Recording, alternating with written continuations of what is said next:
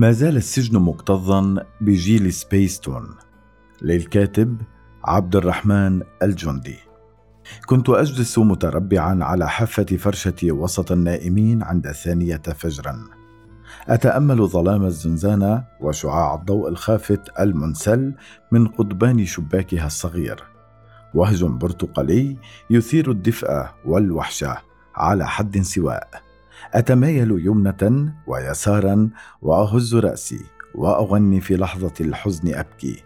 أحتاج صحبي لأحكي. قد ساءت الأمور والأرض لا تدور.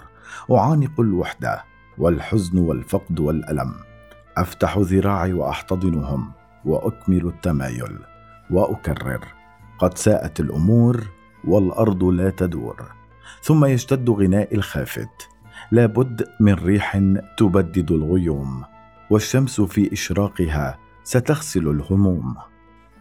اهتز في شجن عجيب مزاجا بين الابتسامة والحنين والدموع واليأس والأمل. في العام الخامس لسجني بلا نهاية تلوح في الأفق. أسترجع هذا المشهد الآن من بيتي. أنتقل بين أغاني سبيستون المختلفة شاعرا بالشجن العنيف نفسه. وأفكر في مهند إيهاب. سأدور دورة كاملة. يغلقها مهند في النهاية. كتبت منذ أيام منشورا على صفحتي لشباب جيلنا. أسألهم فيه عما إذا كنا نتشارك الشعور الناجم عن سماع أغاني سبيستون نحن شباب المستقبل.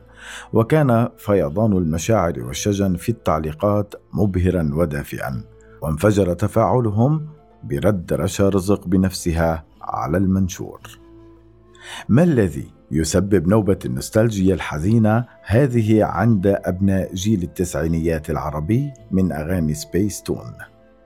لماذا ما زلنا نتابع في أواخر عشرينياتنا وأوائل ثلاثينياتنا رشا رزق ونترك صوتها الملائكي يربت على قلوبنا ويعتصرها حزنا في الوقت نفسه من دون أن نشعر أنه فعل طفولي ساذج. ما تفسير متلازمة سبيستون تلك؟ ما الذي جعلني مهووسا بترديد أغانيها بهذا الشكل طوال سنين السجن؟ بل وكتابتها على الجدران أينما حللت؟ وكيف أصبحت معانيها فجأة أقوى وأوضح بهذه الطريقة؟ ظللت أدور وأعود إلى فكرة البراءة بعد كل القبح الإنساني الذي عرفته والأذى الروحي الذي حل بي والتجارب الصادمة التي هزت ثقتي بكل ما هو خير وجميل. أضحى سماع كلمات بهذه البراءة شيئا أقرب إلى السحر. هذا التضاد الصارخ بين ذكريات الألحان وصوت الكلمات على لساني وبين محيطي القاتم كان ضربا من الإعجاز. أتلمس شيئا؟ قارب أن يتلاشى في روحي فيتشبث بها كلوح من خشب في عاصفة بحرية هوجاء فتصبح أمله الباقي الذي إن أفلتته يموت ثم لا يفلت. أتأمل من حولي من أبناء جيلي فأشعر أن حالتي قابلة للإسقاط عليهم. في عالم مظلم وأمواج تيه كثيرة. ووجود لا يفهمنا ولا نفهمه. نجد أنفسنا في أحذية الكبار المسؤولين. ندهس في مطحنة الدنيا ونصدم يوما بعد يوم بظلامها وقسوتها. فنهرع إلى موسيقى طفولتنا. نتلمس قبسا من براءة وشعاعا من أمل. ننصت إلى صوت رشا الحاني يقول لنا لا تبالي. فستشفى الجراح وظلام الليل لن يطول. وانصت ففي كل صباح صوت في الأعماق يقول. كلما زارنا طيف حب لا ينام هزنا زادنا أملا لا يخشى الأيام. أليس مفهوما توقنا بين الضربات الموجعة التي لا تنتهي إلى عهد الأصدقاء تهدينا الحياة أضواء في آخر النفق تدعونا كي ننسى ألما عشناه. نستسلم لكن لا ما دمنا أحياء نرزق. ما دام الأمل طريقا فسنحياه. أرتاح إلى نظرة هذه عن البراءة والأمل. فماذا اذا عن الألم؟ كانت أغاني سبيس تون وحلقاتها محملة بقدر رهيب من الفلسفة والبؤس الموجعين أيضا. وبصراعات كبرى بين الخير والشر. والجمال والقبح تدمي قلوبنا بكلمات الفقد والأسى على الموتى والراحلين. في أنا وأخي ومسلسلات مماثلة تعلمنا دروسا في الفراق وألمه في غير موضع. فلما نعذب أنفسنا الآن بالعودة إلى تفقي أثر هذا الأسى وتعريض أنفسنا له عن قصد. كأي شاب من شباب جيلنا أمضي ساعات طوالا متفكرا ومكونا نظرياتي الشخصية عن كل ما يستغلق علي فهمه في الحياة. ساعدتني في ذلك سنون وحشة السجن وعزلته التي أمضيت قسطا وافرا من ساعاتها أتأمل ألغاز الوجود. لطالما كنت أتعجب لما يجد الإنسان الجمال في الألم لماذا تلمسنا الموسيقى الحزينة؟ تجتاحنا القشعريره في مشاهد الفقد. ونقف مدهوشين أمام الفن البائس والمؤلم. لماذا تغير التراجيديا حياتنا ولا تفعل الكوميديا؟ يلفت انتباهي شعور الإنسان الدائم بالغربة وعدم الانتماء الذي يتجلى في أعمالنا الفنية على مدار التاريخ. أعمال تسعى جاهدة إلى تجسيد شعور التيه والاضطراب والنقصان هذا وتحاول عزفه لحنا أو ضربه على لوحة بفرشاة أو صياغته في كلمات نص أدبي.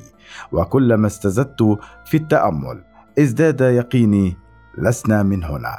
نظريتي الصغيرة صوفية الطابع تمدني ببعض السلام عندما تفرض أن للإنسان روحا وأن الروح قبس من عند الإله. وليست من هذه الدنيا. أرواحنا غريبة عن هذا العالم. تائهة تهفو إلى الأنس ببعضها ويملأها البرد كلما أدركت غربتها. لكننا نشتتها بضوضاء الحياة. ندخل في معركتها وندفن أنفسنا في الصخب. أرى أن أرواحنا الغريبة المتألمة ترى انعكاسها في الفن الحزين. ترى غربتها ووجعها متجسدين. أغريب إذا أن ننكفئ على أغاني سبيس تون هاربين من حياتنا لدقائق. نتشرب هذا المزيج من البراءة التي نتوق إليها والأمل الذي خاصمنا. أعود الآن إلى المربع الأول وأغلق الدائرة بمهند.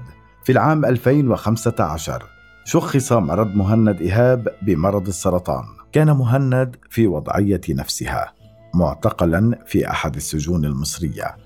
عندما سمحوا أخيرا لوالده بأخذ عينة من دمه لتحليلها بعد اشتداد الأعراض عليه وظهرت نتيجة التحليل صادمة. تمكن السرطان من دمه بنسبة 93% كان الأوان قد فات عندما أخلي سبيله في جلسة التجديد. سافر ليعالج في أمريكا ويعاني الأمرين في رحلة مفجعة أكثر من سابقاتها. إلى أن ساءت حالته من العلاجات التجريبية ودنا منه الموت أكثر والبلد كله يراقب المأساة متوجعا. فماذا طلب مهند؟ ما كانت أمنية ابن جيل التسعينيات البائس ابن الثورة والهزائم والوعي والألم؟ طلب أن يسمع أغنية القناص من رشا رزق. أرفع يدي وجلا فكل الخطوط ترتبط ظلم الاعتقال بشاعة السرطان وقسوة الغربة والتيه والحنين إلى البراءه والفتى المراهق الغارق في كل ذلك. امتزجوا جميعا ليصنعوا طوقا إلى شيء سحري. أغنية الطفولة المفضلة وصوت رشا رزق الحريري. أبكي وأبكي وأبكي وأنا أسمع الآن في العام 2021 إهدائها إليه وقتها وهي تشجعه وتقويه ثم تهديه بصوتها أغنية القناص خصيصا. من هو الصادم المغامر في وجه السيل يا مهند؟ بعد يومين مات مهند. أبكي فأنا في حضرة معجزة إنسانية وفي خضم كل هذا الوجع والظلام والقسوة والعبث كما في كل مرة لا أملك إلا أن ألمس الجمال الجمال الحاضر. قدر بؤسه. عندما كان يشتد علي الهم في السجن كنت أبكي. البكاء نوع غريب من الثورة. كنت أحب أن أغني وقتها. لا تبكي يا صغيري. لا بل انظر نحو السماء. من قلبك الحريري لا تقطع الرجاء. إن الأمل جهد عمل والجهد لا يضيع. الأمل جهد عمل وعندما أتذكر أمي يهزني الشوق إليها أغني أغنية أنا وأخي. شوق يدفعني لأراها. أمي ذكرى لا أنساها. طيف أنقى. من زبد الأيام أبقى. أجلس بين أسرتي خلال الزيارة. فتغني لي أختي في كل مرة بصوتها العذب. في الدقائق الخمس الأخيرة قبل الفراق القسري لا أزال صغير. أنتمي للحنان. أخفو حين أطير. على جناح الأمان. أصوات الأحباب تحطم الجدران تختار الفؤاد ملجا. أبكي وتبكي اسير جارا خطايا إلى زنزانتي. أكتب السطور على حائطي بقلم مهرب وأسهر وحيدا حتى الفجر كما في كل ليلة وأهتز وأردد.